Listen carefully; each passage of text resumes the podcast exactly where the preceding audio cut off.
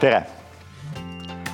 head saaliviibijad ning saate kuulajad, meil on hea meel tervitada teid Tallinna Tervishoiu Kõrgkooli aulas, kus toimub taskuhäälingu õendus nähtavaks saate olulisemad sammud õdede nappuse vähendamiseks, avalik lindistamine. olulisemast sammudes, mis tagavad et meil jätkuks õdesid haiglatesse, tervishoiuasutustesse, äh, näiteks Harjumaale, Valgemaale, ka Ruhnu saarele, rääkima palunud tervise- ja tööministri Riina Sikkut. tere! Eesti Õdede Liidu presidenti Anneli Kannust. tere!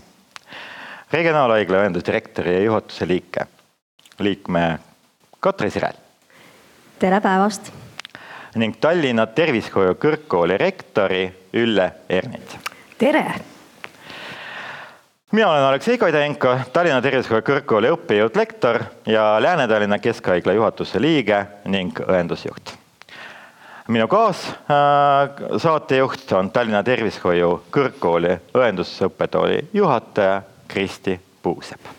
tere kõigile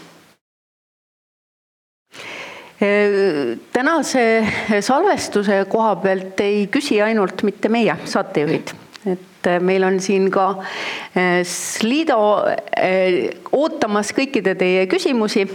kas kasutate siis eh, linki või, või QR koodi ja kõik küsimused on ka siis oodatud saatekülalistele.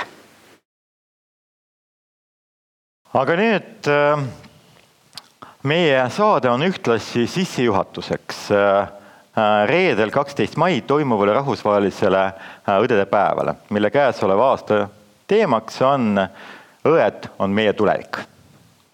seega esmalt sissejuhatuseks uuriks, kuidas tõlgendate teie selle aasta õdede päeva hüüdlaused? mida teie sõnum võiks olla Eesti konteksti arvestades tähendada? Ja anname sõna meie proua ministrile Riina Sikkutile. eks need rahvusvahelised päevad on ühelt poolt õudselt olulised, et et noh, nii õdedele endale, et nüüd on, mida tähistada või esile tuua, aga võimaldab ühiskonnas noh, loob nagu aluse, et arutada selle üle, et, et kus meil õdesid napib, milliseid õdesid napib, kas meil on võimalik seda nappust kuidagi leevi, leevendada, mida tuleks siis teha ja ega ta kaudselt äh, mõjutab ka noorte haridusvalikuid. aga seda, et päeva raamistatakse mingisuguse loosungi või sloganiga, et noh, õed on meie tulevik.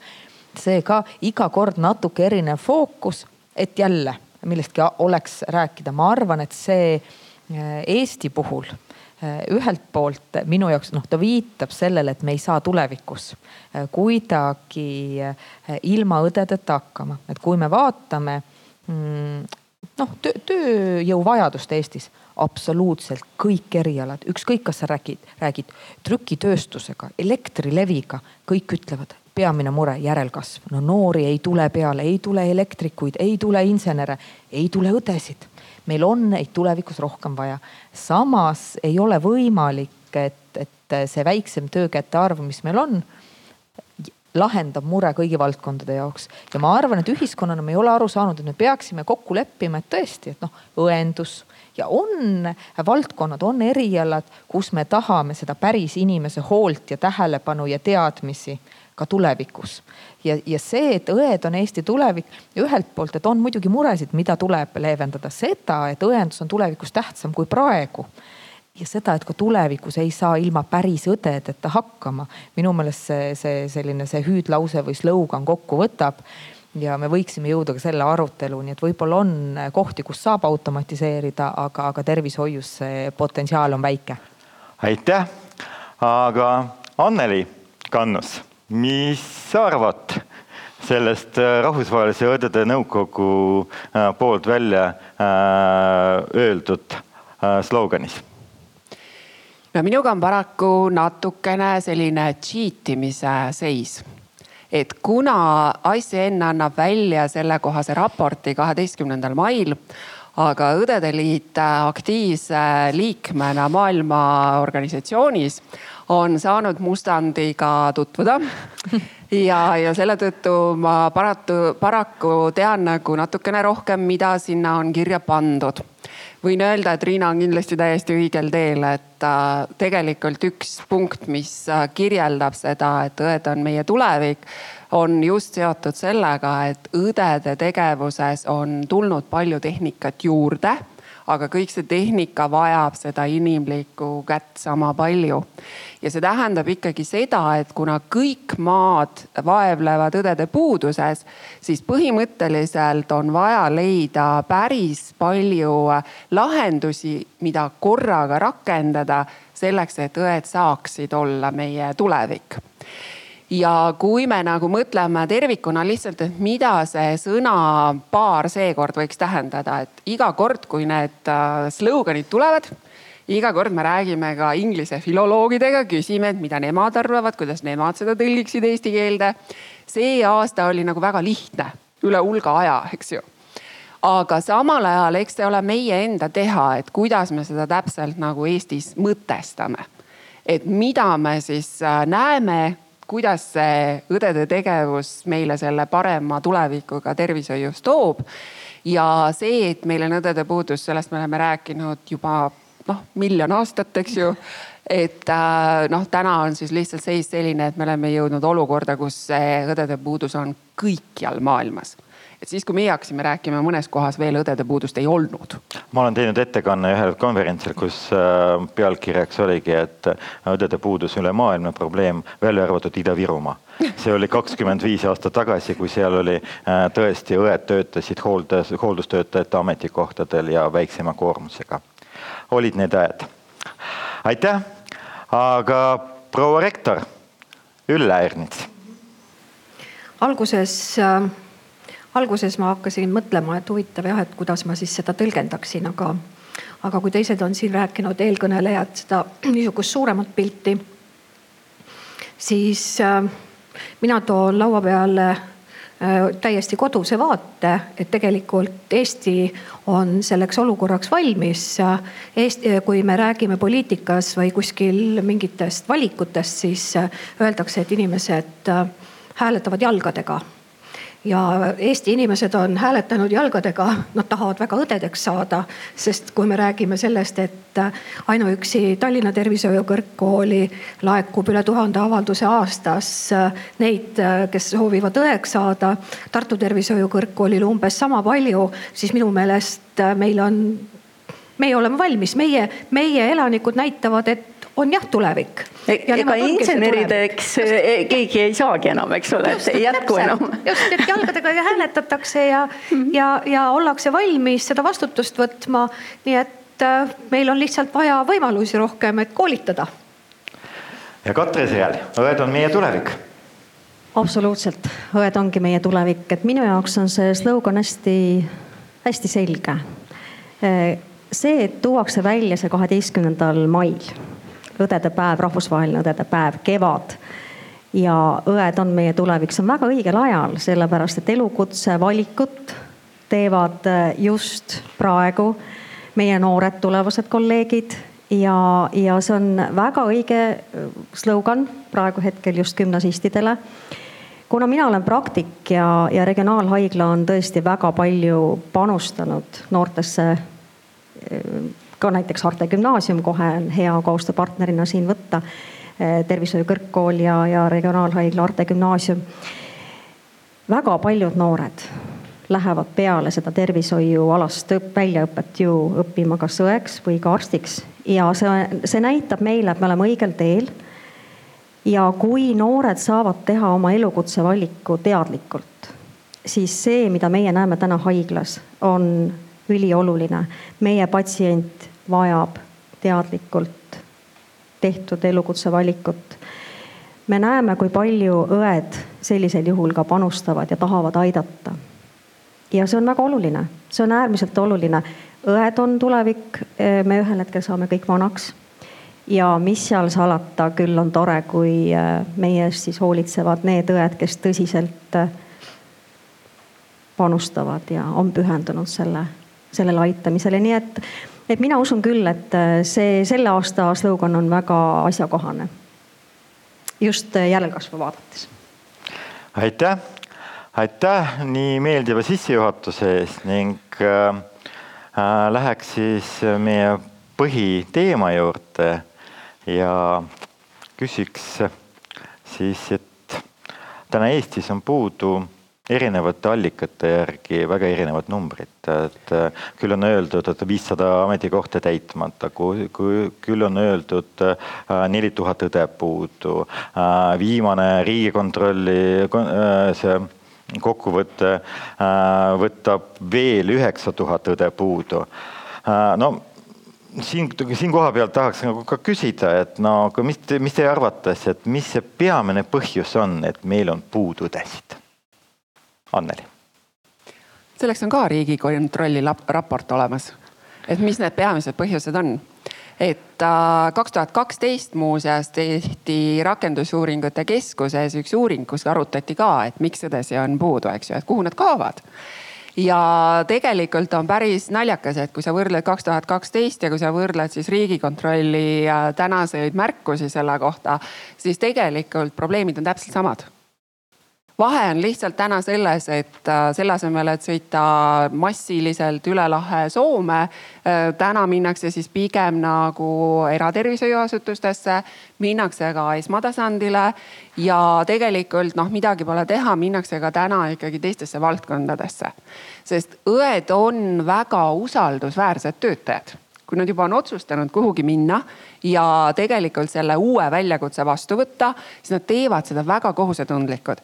Nad on üldjuhul täpsed, nad täidavad kõik selle, mida nad on lubanud teha ja ei ole nagu probleemi ka sellega, et nüüd äh, jääks äh, magama, magaks sisse, ei saaks tulla, sest eelmisel päeval oli pidu. kõik sellised probleemid jäävad ära, eks ju.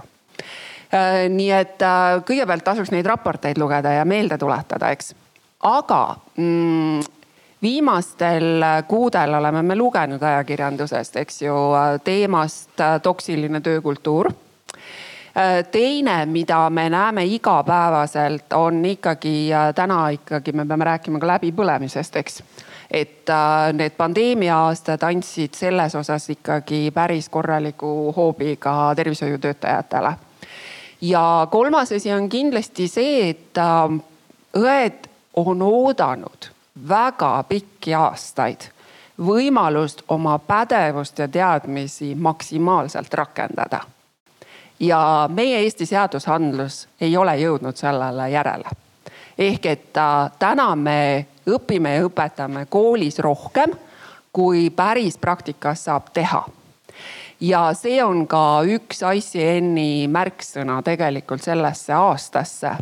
Et õdede potentsiaali tuleb maksimaalselt rakendada ehk et need, et me võime siin naljaga pooleks rääkida ja nimetada ka, et õde tahab teha karjääri.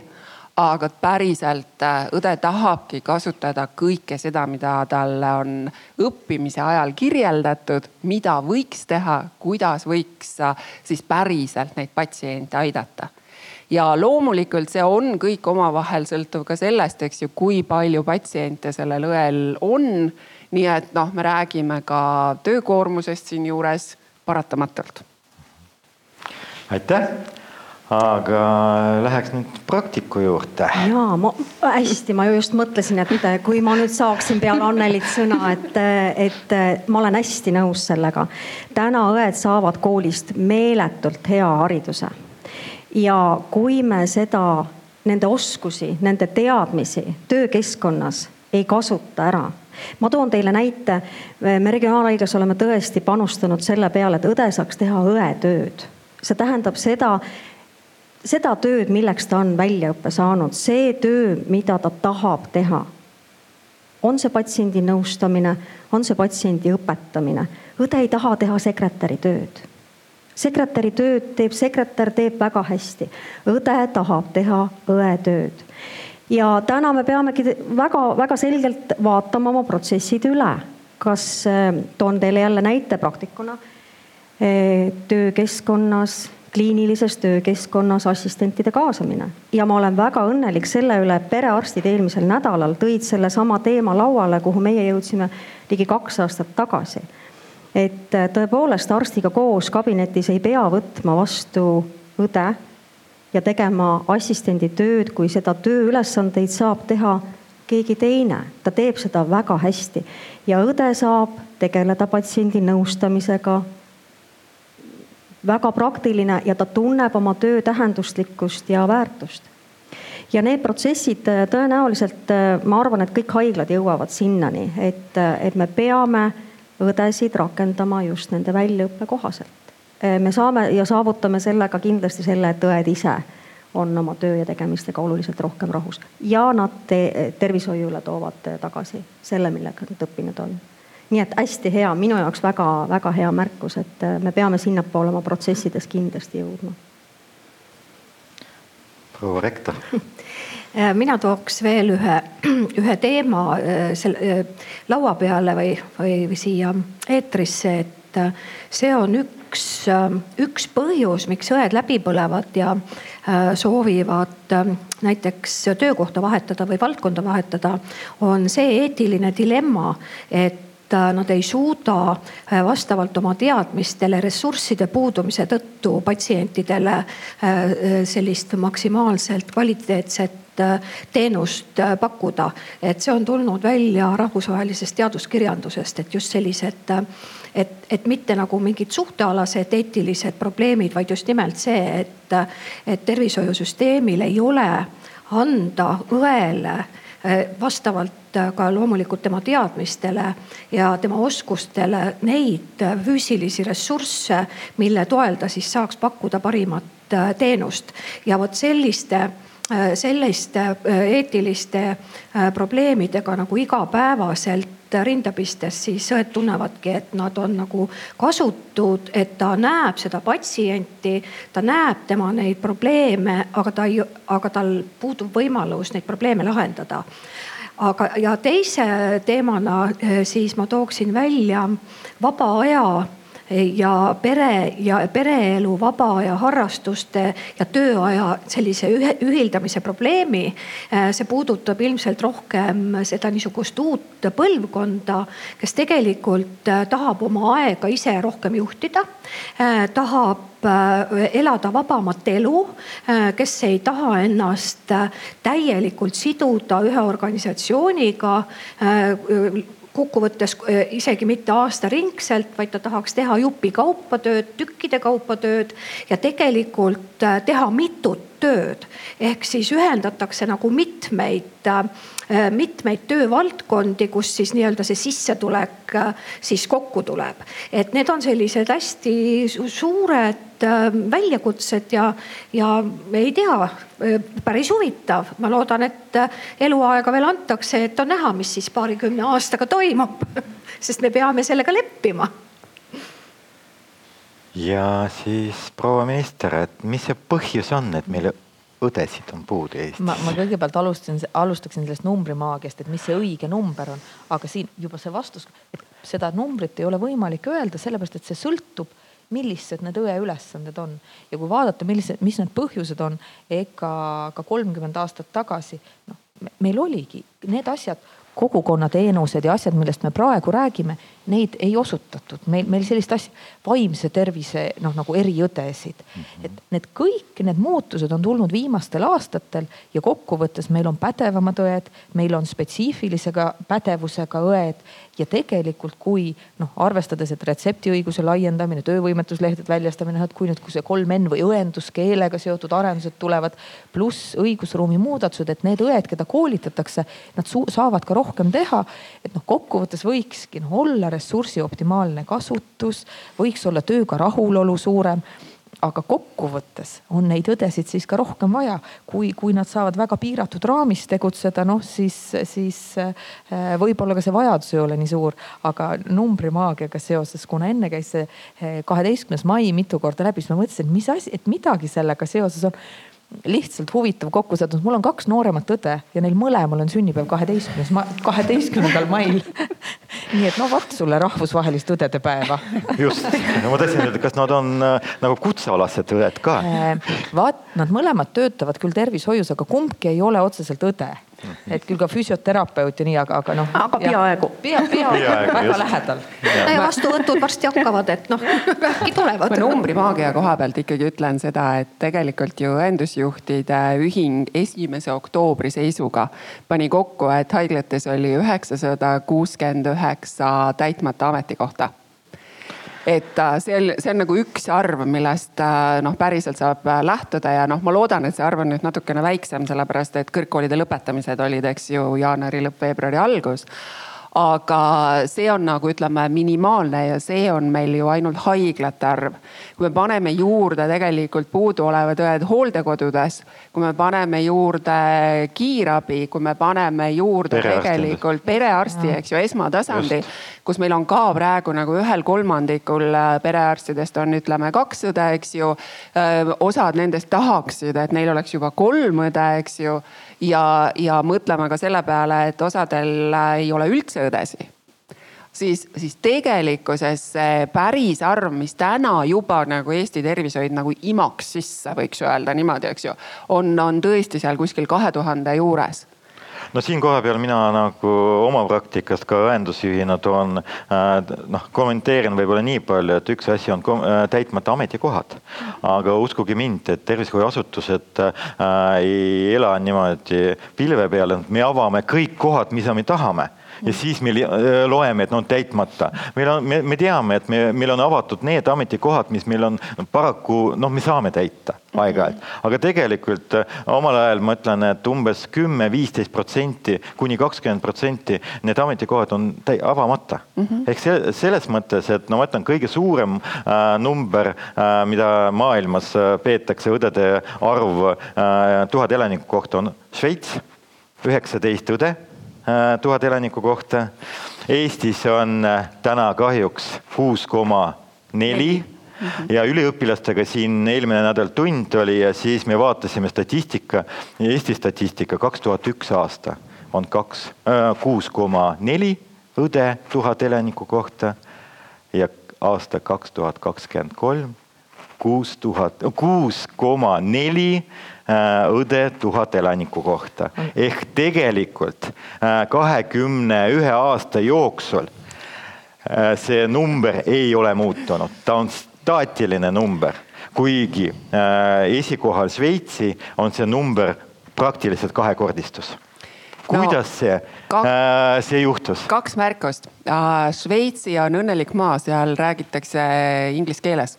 Ja seal käib kohutavalt palju ümberkaudsetest maadest õdesi see on nende õnn ja õnnetus, eks ju. itaalia keel, et. ja, aga noh, ütleme, et tegelikult nad saavad hakkama, et äh, Šveits on selles suhtes lihtsalt jube heas asukohas. et kõik on nõus sinna minema, et äh, piltlikult öeldes äh, see on nagu meie Soome, eks ju ja teine asi on see, et samal ajal tuleb võrrelda seda, et kas te vaatasite ka tudengitega, et kui palju oli kakskümmend üks aastat tagasi Eestis üldse õdesid ja kui palju nagu täna on registris õdesi et, et see on nagu see esimesele küsimusele tulles, eks ju, et meil on registris ju oluliselt rohkem õdesi, kui meil töötab õdesi. eks, et seesama nii-öelda noh, töökultuur, palk, kõik muud asjad, eks ole, et kõik need no, mängivad ka rolli. numbrite maagia, meil ja. on, me võime siingi jäädagi nendest rääkida, aga ma pakuks ka äh, Kristjale äh, nagu ja aitäh, aitäh, aitäh, et äh, ma võtan siin Anneli Kannuse sõnasabast kinni ja, ja seesama ingliskeelne mm, keskkond kus äh, noh, loomulikult on see valik tunduvalt suurem ja õdede puudus justkui võiks olla nendes riikides siis äh, likvideeritud. et kui palju me teame tegelikult nendest riikidest, mis on oma keelega ja lähedased, et siin Soome Läheme lõuna poole, Läti, Leedu, et eh, kas neil on sarnased probleemid või on nad kuidagi suutnud ületada selle? Äh, no tegelikult on neil äh, sarnased probleemid.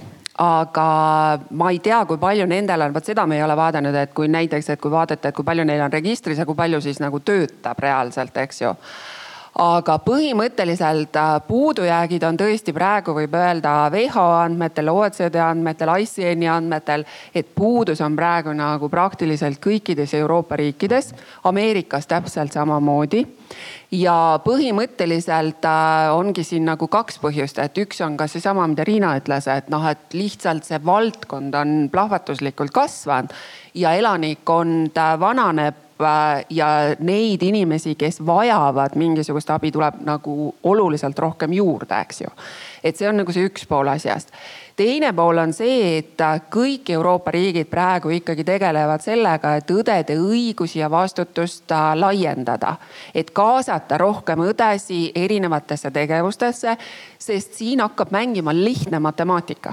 kui äh, arst õpib, eks ole, kümme kuni kaksteist aastat ja õde õpib kolm pool kuni viis aastat äh, siis tegelikult on odavam, efektiivsem ja kiirem rakendada rohkem õdesid mis tähendabki seda, et seesama eriõenduse teema, mis meil ka siin Eestis on nagu pikalt vindunud, eks on lootust, et noh, nüüd lõpuks nagu hakkab minema.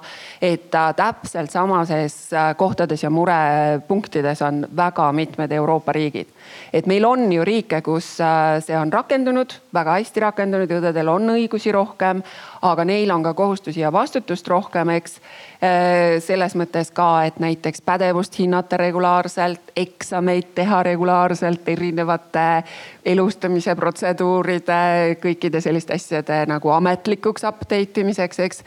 Meie ka kuulsime muuseas, et terviseamet hakkab sellel aastal kontrollima, et kas koolitusplaane on haiglad teinud nii et no selles mõttes äh, olukord on ikkagi nagu iga riigi jaoks paraku unikaalne. Hmm. Kui ma praegu äh, kõrvalt kuulasin teid, äh, teie äh, tarka arutelu siin ühel pool ja teisel pool, et siis mulle tundub, et me, et kõik need riigid, kaasa arvatud meie riik, kes nüüd on vaevlevad õdede hädas, et mulle tundub, et mustris on mingi viga sisse tehtud. selles mõttes, et on otsustatud panna kõik munad ühte korvi ehk siis kõik anname õdede õlgadele ja arvame, et õed on meie tulevik, aga kõik oleme me praegu ühe lõhkise küna ees, munad korvis puruks läinud praktiliselt. et mulle tundub, et on tehtud mingi strateegiline viga ja, ja, ja liiga palju pandud nagu ühe kutseala peale ja, ja siin on võib-olla vaja siis teha teatud mõttes äh, restart ja vaadata uuesti kogu mudeli peale, et siis leida mõistlikud lahendused, sest äh, noh me ei ole ju täna rääkinud sellest, et, et ega siis äh, õe, õeks õppimine ei sobi mitte igale ühele. Äh, õena töötamine ei sobi mitte igale ühele. Äh, see on pikk ja päris ränkraske õppimine, kus tuleb ennast ületada ja, ja, ja ka teisi endaga koos ennast ületama panna. ja, ja selles mõttes ei ole see sugugi mitte see, et võtame ka hästi palju, õpetame õdesid, vaid, vaid tegelikult on ta ikkagi ütleme noh, mõnes mõttes selline mm, eliidi, eliidi selline amet sest see on raske ja väga suure vastutusega amet. ja kui nüüd kõik riigid ühtemoodi omadega ummikus on, siis on ka mingi viga sees, seda.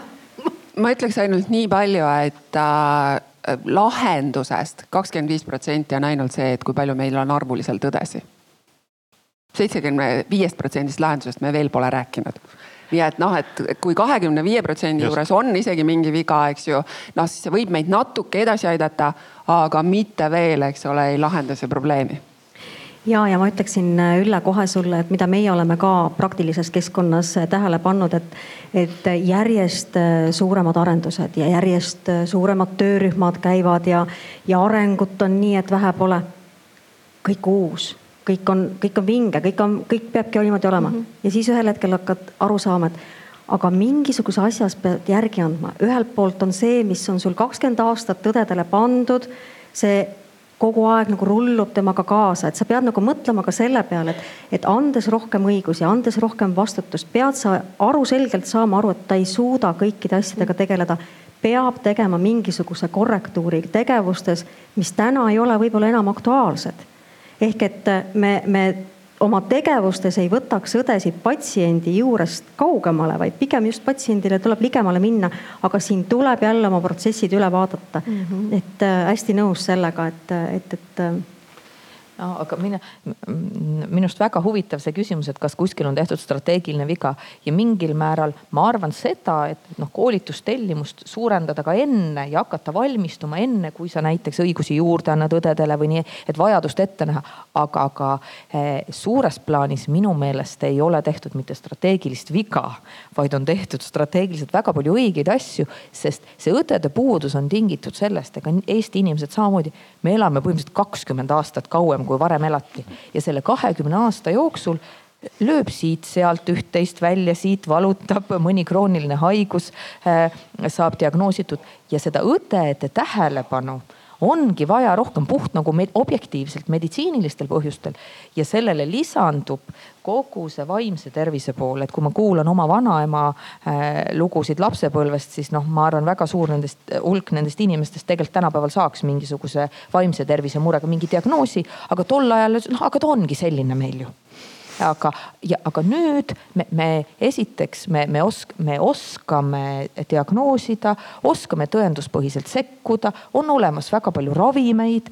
nii et see, mis on võimalik, eh, et, et toetada inimeste noh, ka vaimset heaolu eh, on, on meie jaoks tähtsam ja on tegelikult ka rea reaalselt võimalik. ja ma arvan, see annab ka tegelikult õdedele väga palju koormust, eh, mida varem ei osatud sellises mahus võib-olla prognoosida ja võib-olla noh, või prognoositi ekslikult, viga ta oli aga ma ütlen, et tegelikult see õdede puudus on tingitud sellest, et väga palju asju on siin paremaks läinud aga üks strateegiline viga ikka tehti tulevikus või minevikus, vabandust ja see on, ma, ma luban, ma rohkem enam ei tsiteeri Raul-Allan Kiivetit, kes kaks tuhat kaksteist avaldas Eesti arstis mudeli, et me oleksime pidanud kohe hakkama võtma vastu kaheksasada õde aastas. Ja me oleme selleks aastaks jõudnud esimest korda selleni, et me võtame seitsesada.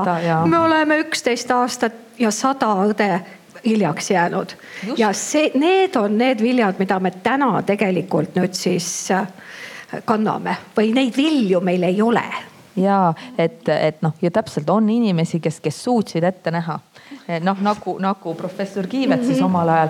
Ja, ja kui tema oleks saanud üksi teha neid otsuseid, kui palju, milline peaks olema näiteks õdede koolitustellimus. no praeguseks meil oleks mitu tuhat koolitatud õde juures ja, ja suur osa neist töötaks ikkagi, ma loodan, tervishoiusüsteemis just, aga siin ma ka toetan, et tervikpilti vaade äh, tuleks nagu Eestis ükskord, noh, ma saan aru, et sotsiaalministeeriumi juures äh, toimub mitu-mitu strateegiat praegu arutatakse, äh, valmistatakse ette reformid ja, ja haiglareform ja esmatasand ja kiirabi ja kõik tegelikult kõik need, iga lause, mis nendes dokumentides kirjutatakse sisse, tegelikult selle taga on inimesed et iga selline innovatiivne mõtlemine, et mida me teeme, noh, noh näiteks kiirabireform, mis toimus üle kümne aasta tagasi.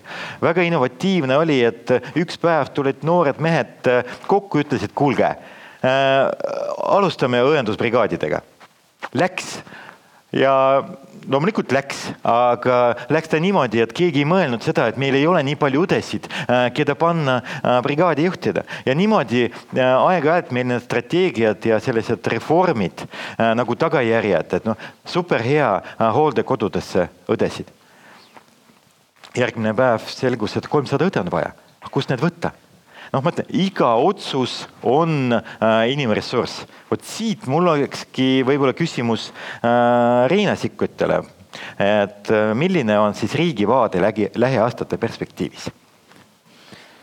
Ma praegu ei mäleta keegi, aga nüüd eile või täna keegi küsis mu käest, et no millised raputused nüüd tulemas on. no ma ütlesin nüüd, ma väga loodan, et raputusi tulemas ei ole, et see ikkagi tekitaks katkestuse ka teene, senises teenuse osutamises.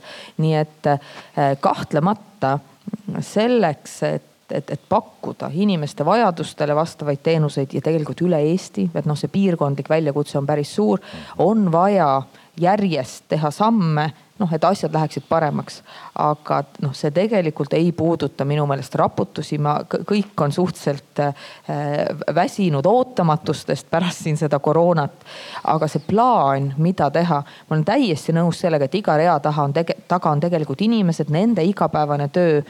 Nad peavad saama aru mis muutub, miks muutub ja kuidas see nende igapäevast tööd siis mõjutab. ja, ja selline, see, peakski olema pigem, ma ütleks selline kollektiivne kokkulepe või, või noh, nagu koostöös tehtud plaan. ma loodan, et me selleni ka jõuame, sest ma arvan, see oli enne nüüd, mitte nüüd parlamendivalimisi, aga enne kohaliku omavalitsuse valimisi.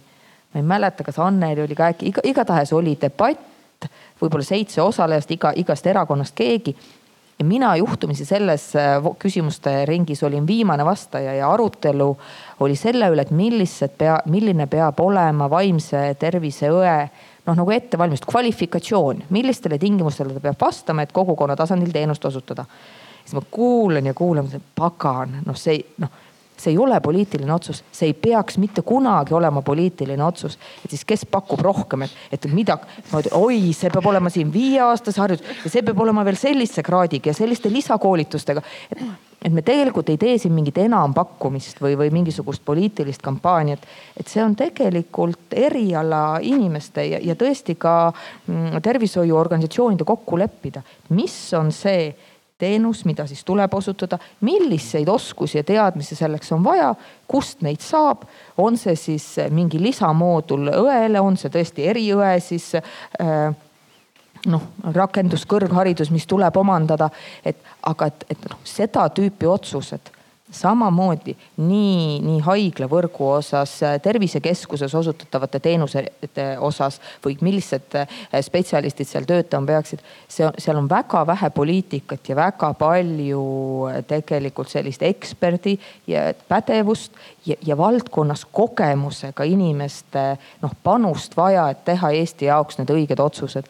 nii et, et ma väga loodan, et, et, et vähem on sellist poliitilist suuna näitamist, kuulge, tulge nüüd minu järele, hakkame tegema nii ja rohkem, nii nagu siin ühele põrandale kokku tulemist, et me kõik saame aru, et jah noh, õdesid on puudu, milline on see rahastamise perspektiiv tulevikus. aga et selles raamis me tegelikult suudame kokku leppida, et mis on see, mida muuta tuleks ja mis on kahtlemata see, mida hoida tuleks. aitäh, Anneli. Riina, aga lõpuks pead sina alla kirjutama määrusele. ja, ja, ja ma, ja ma usaldan sind see on äh, hea kuulda, et äh, tegelikult tervishoius päriselt, nagu ma alguses ütlesin, eks ju, et siis üks asi on, mida õed on ammu oodanud, on nagu selline seadusandlik selgus. et päris igaüks ei leiuta, eks ju, et mismoodi peab ja kus on need piirid täpselt, eks. sest praegu on ikkagi, kuna noh, praktika jookseb nii kiiresti eest ära, areneb nii ruttu, nagu Katre ütles, eks. et siis äh, meil on tek tekkinud selline suluseis, et meil on erinevad regulatsioonid ja erinevad regulatsioonid vahest isegi kuidagi käivad teineteisele nagu vastu, eks ju. nii et ma väga-väga loodan, et äh, kuna me algatasime juba eelmise aasta lõpul äh, idee, et äh, vähemalt viiest erinevast määrusest, mis õdede tegevust reguleerib, peaks saama üks määrus et peaks tulema õendusmäärus, eks ju, kus on vaja ära reguleerida ka see, et kes siis ikkagi on õde ja kes siis on eriõde. et ei oleks enam mitut pidi võimalik sellest aru saada siis äh, muidugi sorry, on ka siis, aga, aga siis on vähemalt kuskil mustvalgelt kirjas.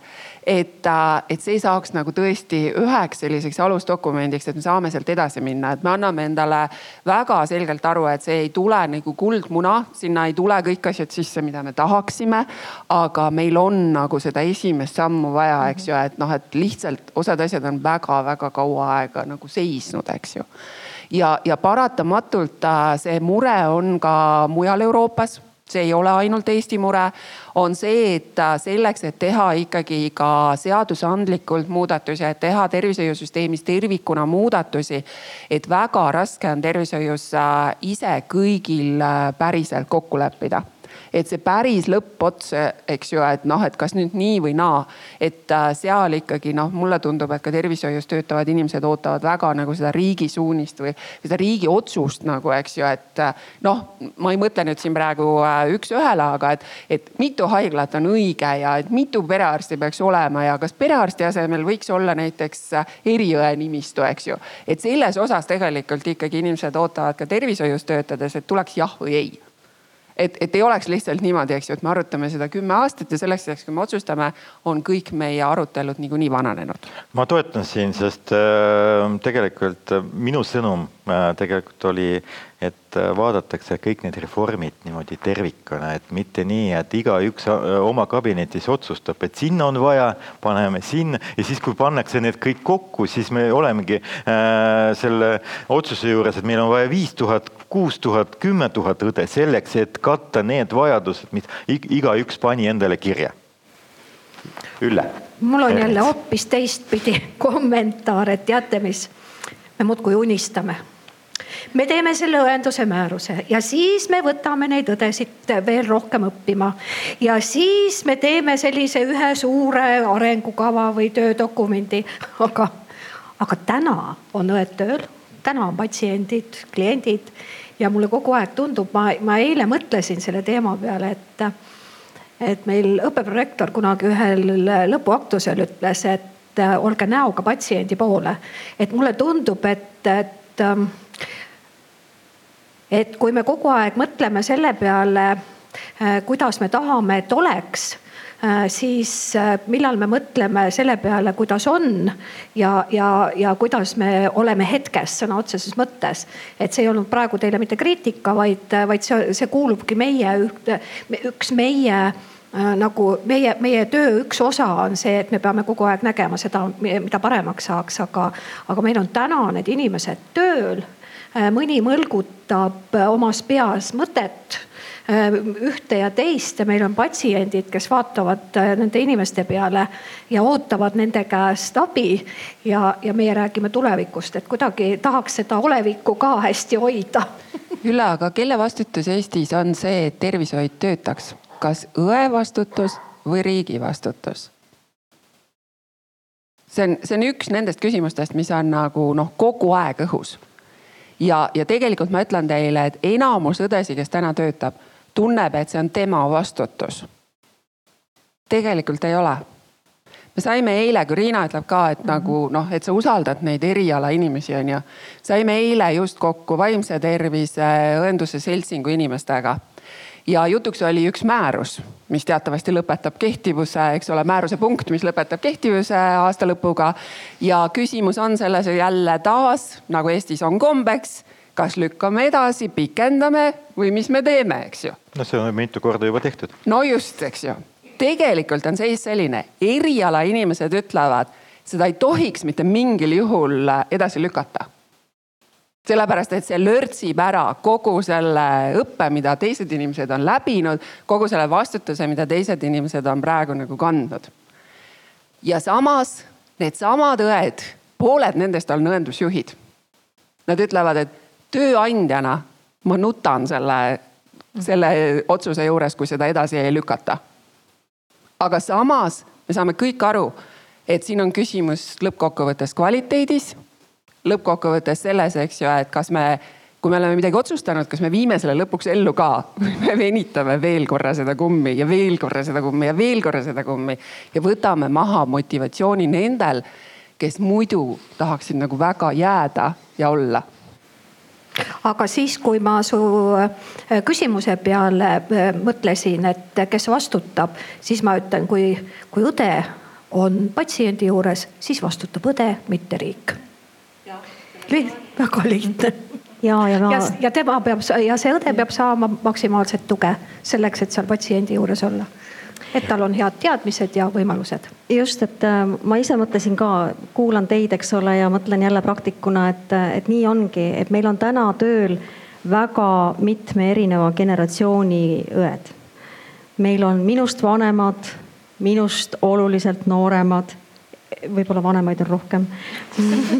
ja, ja, ja kui ma nagu mõtlen selle peale, et, et tõepoolest äh, ka neid inimesi, mitte ainult mõelda selle tuleviku peale, see on väga oluline, me peame mõtlema tuleviku peale.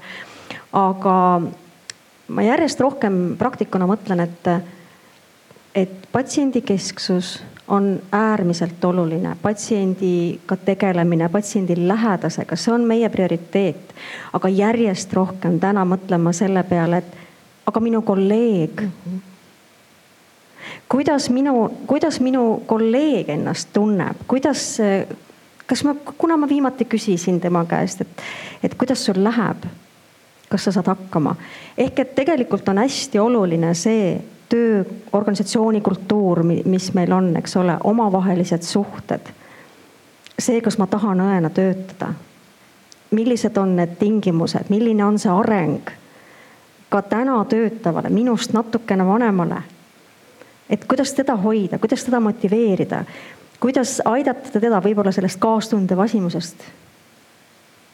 et need on kõik väga olulised teemad juba täna töötavatele õdedele. ja, ja mulle ka see vastutuse teema äh, arutelu väga meeldib ja ma olen nõus, et, et patsiendi ees vastutab see õde.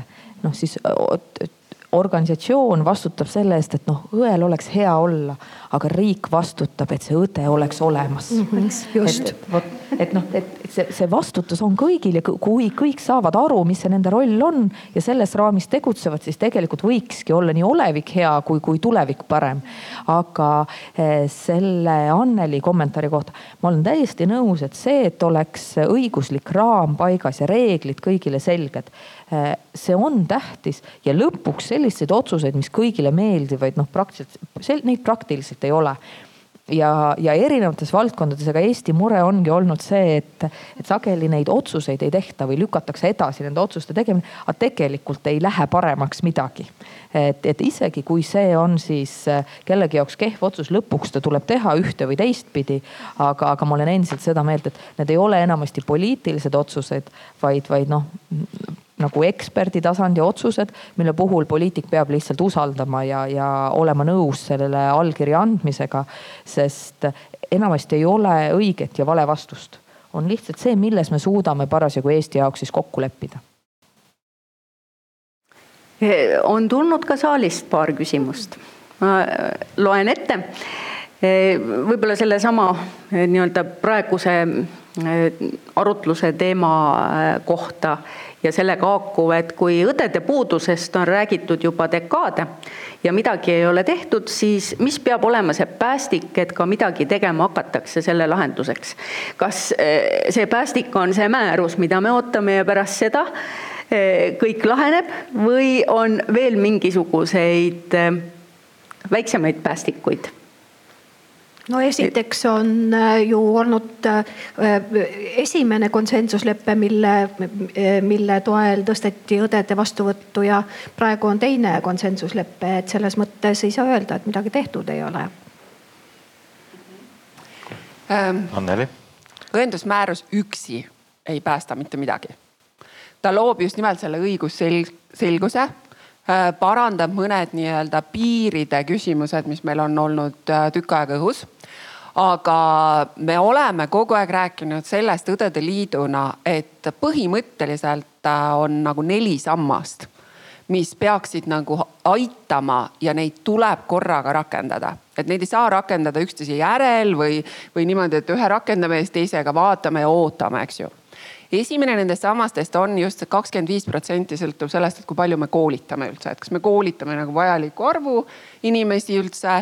E, ja noh, sellega on meil täna kõige paremini, eks ju, nagu, nagu Ülle ütles e, teine sammas on äh, siis see, et kas sellel õel on nagu areng, eneseteostuse arengu ja karjäärivõimalused nagu selged, eks, et kas ta saab edasi õppida, kas ta saab äh, haiglas teha karjääri, kas tal on võimalik tervishoiusüsteemis liikuda, eks ju et äh, sealt tuleb nagu see osa, mida inimesed kõik tahavad, et me tegelikult loomu poolest tahame ikkagi nagu areneda, eks ju äh, kolmas asi on äh, selline sõna, mida osad inimesed vihkavad, teised armastavad, eks ju. aga see on väga-väga lai sõna ja need on töötingimused ja töötingimused ei võrdu palk see võrdub, eks ole, tõesti see, et, et kas ma saan nagu valida, mida ma teen, missugustes piirides teen, kas ma saan oma pädevust maksimaalselt rakendada kas tegelikult ma olen õnnelik, kui ma seal tööl olen või ma saan, käin seal kogu aeg niimoodi pea õlgade vahel ja kardan, et jälle kust pauk tuleb, eks ju. see on nagu päriselt see tööga niisugune füüsiline, psüühiline ja sotsiaalne rahulolu, eks ju ja neljas sammas on nüüd tegelikult asi, mis vahest tundub, et noh, mina isiklikult ütlen, et mina olen kunagi rektorina käinud, eks ju, kõikides haiglates ja nüüd ma olen käinud nagu Õdede Liidu presidendina kõikides haiglates. ja vaatepildid on täiesti erinevad. täiesti erinevad ja kui ma saan veel kõnesi nende inimeste käest haiglatest erinevate probleemidega, siis ma ütlen, et meil on selle neljanda sambaga veel kõige suurem probleem. ja selle neljas alustala on tegelikult võrdsus. ja siin ma ei räägi mitte meeste ja naiste palgavõrdsusest, mida me teame kõik, et on natukene nihkes. aga ma räägin võrdsusest selles mõttes, et iga kingsepp jäägu oma liistude juurde. meil on täna juba olukord kus arst teab, mida tema erialal tehakse ja õde teab, mida tema kutsealal tehakse. eriõde teab, mida tema erialal tehakse ja, ja tegelikult väga sageli ei tea ka eriarst seda, mida mõnel teisel eriarsti erialal tehakse sellepärast, et arstlikud erialad on järjest enam spetsialiseerunud, aga meil endiselt kehtib kuidagi selline mentaliteet, et teised teavad paremini, mida mina peaksin tegema ehk et see võrdsus tähendab seda kõige paremas mõttes teineteise aktsepteerimist ja arvestamist, et igaüks teab oma kutseala piires kõige paremini ja tegelikult on võimeline oma tööd korraldama. eriti kehtib see arstide ja õdede võtmes, sellepärast et mõlemad on kõrgharidusega inimesed ja, ja kui me saaksime nagu vot selle neljanda samba niimoodi noh, nii-öelda liikuma. ma pean teile ütlema, et meil on haiglaid, meil on mõnes haiglas lihtsalt mõni kliinik või mõni osakond, kus see on super juba praegu. aga meil on rohkem neid kohti, kus tegelikult seda päris võrdsust veel ei eksisteeri. kui äh, kaovad ära Õdede Liitu sellised kõned, äh, mis tulevad ähm, näiteks arstide poolt küsimusega, et äh, mul, ma töötan äh, õega, teie tõstsite nüüd jälle seda palka kollektiivlepingus. kas mina ka tõesti pean õe palka tõstma? või tuleb äh, õe poolt telefonikõne, et olen kogu aeg töötanud õena, mul on tööleping õena ja nüüd, kuna palk tõuseb, siis tehti mulle ettepanek tööleping ümber vormistada assistendiks kui enne rääkis Katre siin assistentidest, eks ju, siis seal ei olnud mõeldud selliseid assistente. sa kindlasti ei räägi regionaalhaiglast, eks ju. aga et, et noh, see lihtsalt iseloomustab seda, et kus me nagu täna oleme, eks ju või, või kui me räägime lihtsalt kasvõi noh, valve üleandmisest, valve vastuvõtmisest ja siis kolleeg, kes töötab ühel erialal, ütleb, et aga mul ei ole vaja mingit valvet üle anda või vastu võtta ja teine kolleeg ütleb, et aga mul on ja siis nad ei usu teineteist. et noh, tegelikult no need, need asjad kõlavad vahest päris uskumatult, eks ju, mida, mida sa näed ja kuuled. aga see on probleem ja me peame seda nagu tunnistama, siis me saame sellest üle alles siis, kui me nagu ütleme, et see on probleem, on ju ja, ja, ja minu meelest väga hea näide, sest tegelikult igas valdkonnas on äh, sellised mured, mida ei saa lahendada määrusega või näiteks võrdsust kehtestada esimesest jaanuarist kaks tuhat kakskümmend neli. et noh, ja kuna see ei ole võimalik, see, see, need on kõik väga pikaajalised protsessid, et isegi kui me võime kurta, et noh, et, et õdesid on puudu, et kuidas, et see on ju aastate pikku nii olnud ja, aga seal on vähemalt enam-vähem teada, mis teha tuleb. on vaja seda lisaraha ja koolitus, noh, noh mahtude tõstmist aga vot need on seda tüüpi küsimused, kus lahendust on, on väga keeruline saavutada, see protsess on pikk ja, ja pigem see on mingisugune selline emotsionaalne pingutus, mis, mis tuleb, on see siis Annelil või, või teistel eh, teha. et, et noh, ka ühiskonnas, et ka patsiendid suhtuksid, et seda võrdsust ei saa saavutada organisatsiooni sees kui väljastpoolt. kõik suhtuvad ikkagi ebavõrdselt. nii et see, see on midagi sellist, mis peab nagu ühiskonnas läbivalt muutuma ja ei, ma olen hästi nõus sellega ja, ja ma, ma mõtlen, mõtlen vahest, eks ole, kui Anneli räägib nendest juhtumitest, et ja, ja ütlen, et ei räägi regionaalhaiglast, absoluutselt kindel äh,. loodan olla kindel. ma tahan öelda vahepeal seda ka, et, et järjest rohkem ma tunnetan vähemalt oma haiglas küll, et äh, arstid võtavad õdesid järjest rohkem võrdsete partneritena ja, ja seda on hästi hea meel tõdeda, kui, milline usaldus tegelikult arstidel õdede vastu on ja, ja järjest rohkem. mitte, mitte, mitte sada protsenti, ma ei julge protsenti öelda, kui, kui kõrge see võib olla, aga ma igapäevaselt näen, et ka siin on, ütleme selline koostööpunktid väga olulised äh, ja juhtimiskultuuril see on, algab kõik sellest, millised, äh, millise töökeskkonna, nagu sa ütled, eks ole, töökeskkond, see ei ole ainult palk. aga need ei ole kindlasti värvitud seinad või uus korpus absoluutselt nõus, see on ülioluline, et see eh, töökeskkond just ruumiliselt eh, plaanis on, on, on kaasaegne.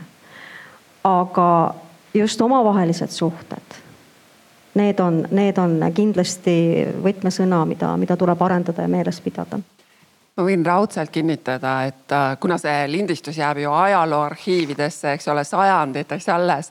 siis ma võin raudselt öelda, et äh, kunagi, kui ma olin äh, Tartu Tervishoiu Kõrgkooli rektor esimestel aastatel, siis ma ütlesin, et ärge Tallinnasse küll praktikale minge. siis praegu ma ütlen raudselt, et Tallinnasse tasub igal juhul praktikale minna ja regionaalhaigla kindlasti on esimene valik, et nii et noh, meil on vaja siin ka linnade võrdsust jah. No ma ütleks lihtsalt niimoodi, et, et Riinal on väga õigus selles osas, et see on nagu ühiskonna küsimus ka.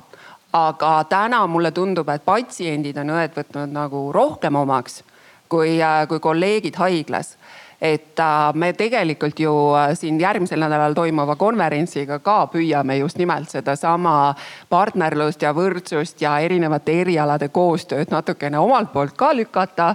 et äh, rohkem me saaksime aru, et tõesti iga lüli seal haiglas on, on nagu ülioluline, eks et noh, mina olen, mina olen juba nii vana, et mina võin öelda, eks ju, et vanasti oli see anekdoot, et kes on kõige tähtsam isik haiglas, siis oli see sanitar, eks ju aga, aga praegusel juhul äh, ma väga loodan, et kõik vastavad sellele küsimusele, et see on äh, see patsient, eks ju ja mul on väga hea meel näiteks, et Sotsiaalministeeriumi rahvastiku tervise arengukavas me räägime juba mitte ainult patsiendikesksusest, vaid räägime inimkesksusest, eks.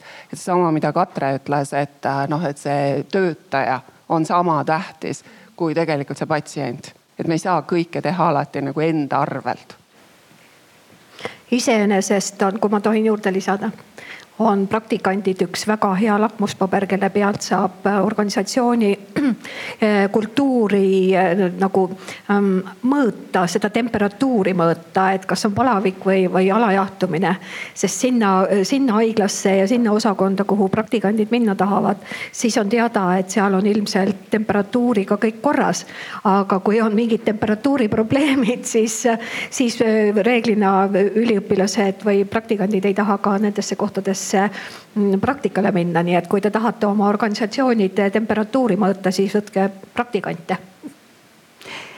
Mul on siin veel tulnud eh, küsimusi ja võib-olla üks eh, intrigeeriv küsimus, et eh, kas meedikuid ei saaks sellistel tingimustel koolitada, et peab näiteks töötama peale lõpetamist kümme aast-, küm-, kümne aasta jooksul vähemalt viis aastat riigis või kohalikus omavalitsuses